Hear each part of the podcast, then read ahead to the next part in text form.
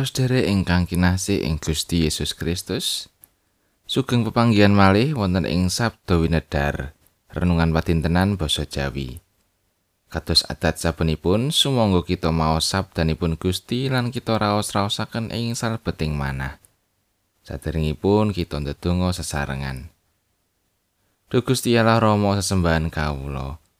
Ing wekdal menika kawula sowan marek ing ngarsa paduka Gusti.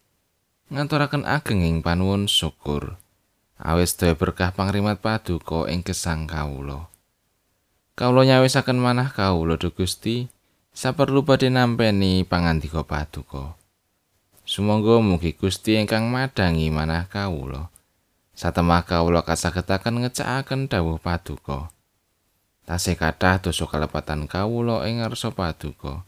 Mugi Gusti kersa paring pangaksami wonten ing asmanipun Gusti kawula Gusti Yesus Kristus. Kawula ndedonga lan saos syukur. Amin. Wawasan dinten menika kapendet saking setunggal praraja bab setunggal ayat 11 ngantos likur kalajengaken wolu likur ngantos tigang dosa. Nabi Nathan tumuli munjuk marang sang putri Bathsheba ibune Pangeran Sulaiman Menapa panjenengan dalem boten midanget bilih Pangeran Adonia putranipun Sang Putri Hagit sampun jumeneng ratu. Mongko Gusti kula Sang Prabu Daud boten mirsa. Ayat saking menika keparenga kawula ngaturi pamrayogi supados panjenengan dalem saged milujengaken nyawa panjenengan dalem so nyawanipun putra dalem Sang Pangeran Sulaiman. Panjenengan dalem kawula aturi marek ing ngarsanipun Sang Prabu Daud Saha kawula aturi munjuk dhateng panjenenganipun mekaten. Duh Gusti kawula Sang Prabu, panjenengan dalem rak sampun ngendika dhateng adalem kalian supaos. Putramu Sulaiman kang bakal jumeneng dadi ratu ing sapungkur kulan dheweke kang bakal nglinggi damparku. Kados dene dene sak menika Adonia kok dados ratu. Salajengipun salabetipun panjenengan dalem munjuk wonten ing ngarsanipun Sang Prabu, kawula ugi lajeng badhe sowan mlebet sambiyantu anggen panjenengan dalem munjuk menika. Mulane sang putri Bathsheba nuli lumebet marek marang ing alsane sang Prabu ana ing jero kamar. Nalika iku sang Prabu sepuh banget lan abisak prawan saka ing sunem kang ngladosi panjenengane. Sang putri Bathsheba tumuli sumungkem sujud lan nyembah ana ing ngarsane sang Prabu. Sang Prabu ndangu. Apa kang kok karepake? Sang putri banjur munjuk marang Sang Prabu. Gusti kawula sampun supaos piyambak demi Pangeran Yewah, Gusti Allah Paduka, dumateng kawula. Putramu Sulaiman bakal jumeneng ratu ing sapungkurku lan dheweke bakal lungguh ing damparku. Nanging sakmenika lah Adonia sampun dados ratu. Monggo Gusti kawula Sang Prabu piyambak mboten nguningani. Adonia sampun meragat lembu kathah kewan leman saha mendo gembel. Sarta sampun ngulumi sedaya putra dalem tuwin Imam Abiatar saha Senopati Yoab. Nanging abdi dalem Sulaiman boten dipun ulemi. Nanging sedaya tiyang Israel do Gusti kawula Sang Prabu sami mandeng dhateng paduka. Supados panjenengan dalem paring sumerep sinten ingkang badhe nggahi dampar paduka sapungker paduka Menawi mboten mekaten benjing menawi Gusti kawula Sang Prabu sampun keperangaken ngaso sarangan kalian leluhur dalem adalem tun anakipun dalem Sulaiman tem tulajeng badhe kadakwa lepat. Ayat 23 Sang Prabu Daud banjur paring wangsulan pangandikane. Bathsheba timbalono. Sang putri tumuli lumebet marek lan jumeneng ana ing ngarsaning Sang Prabu.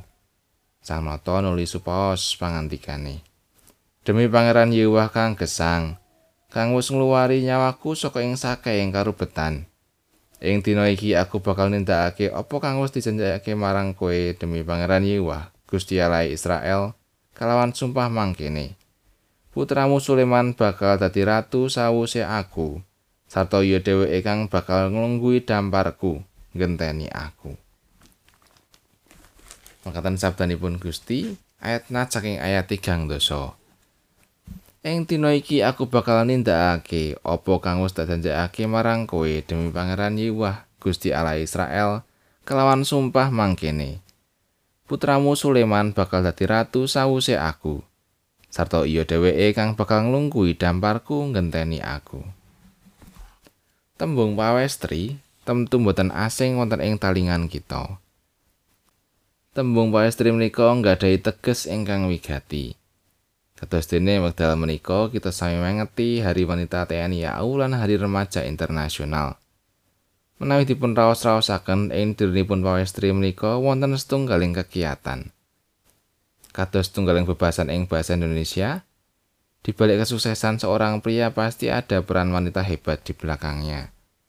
Paribasan menika badhe nedahaken bilih pawestri anggadhahi peran wigatos wonten ing wigesang lan pagesangan menika. Kitab Raja-raja ingkang kita wasarengan menika nyariosaken peranipun Betseba ing gesangipun Prabu Dawud. Nalika Prabu Dawud sampun sang saya sepuh, piyambakipun badhe dados tiyang ingkang lajengaken kepemimpinanipun. Lan ing ngriku Prabu Dawud badhe milih Adonia, putranipun sang putri Hagit. Miturut pangwasipun Nabi Nathan, pilih menapa ingkang dipundhakaken Prabu Dawud menika kirang pas. Ningali kaunteran menika lajeng Nabi Nathan ngendika dhateng putri Bathsheba kados ing ayat 11. Inti wan rembakipun inggih menika sepisan paring pawarta magepokan kalian sekep Prabu Daud ingkang badhe ngangkat Adonia dados ratu.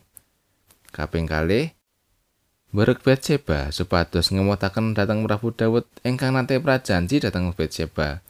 Bilih ingkang badhe nggantos panjenenganipun inggih menika Pangeran Sulaiman. Sasampunipun Bathsheba mireng pangandika menika lajeng piyambakipun sowan ing ngarsanipun Prabu Daud. Lan Prabu Daud nampi menapa ingkang dados aturipun Bathsheba.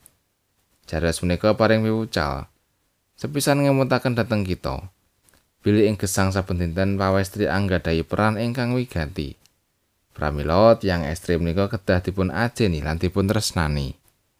Kaping kalih, Para pawestri kabrek supados saged nindakaken peran kanthi sikap tatak, tanggon lan wicaksana. Amin.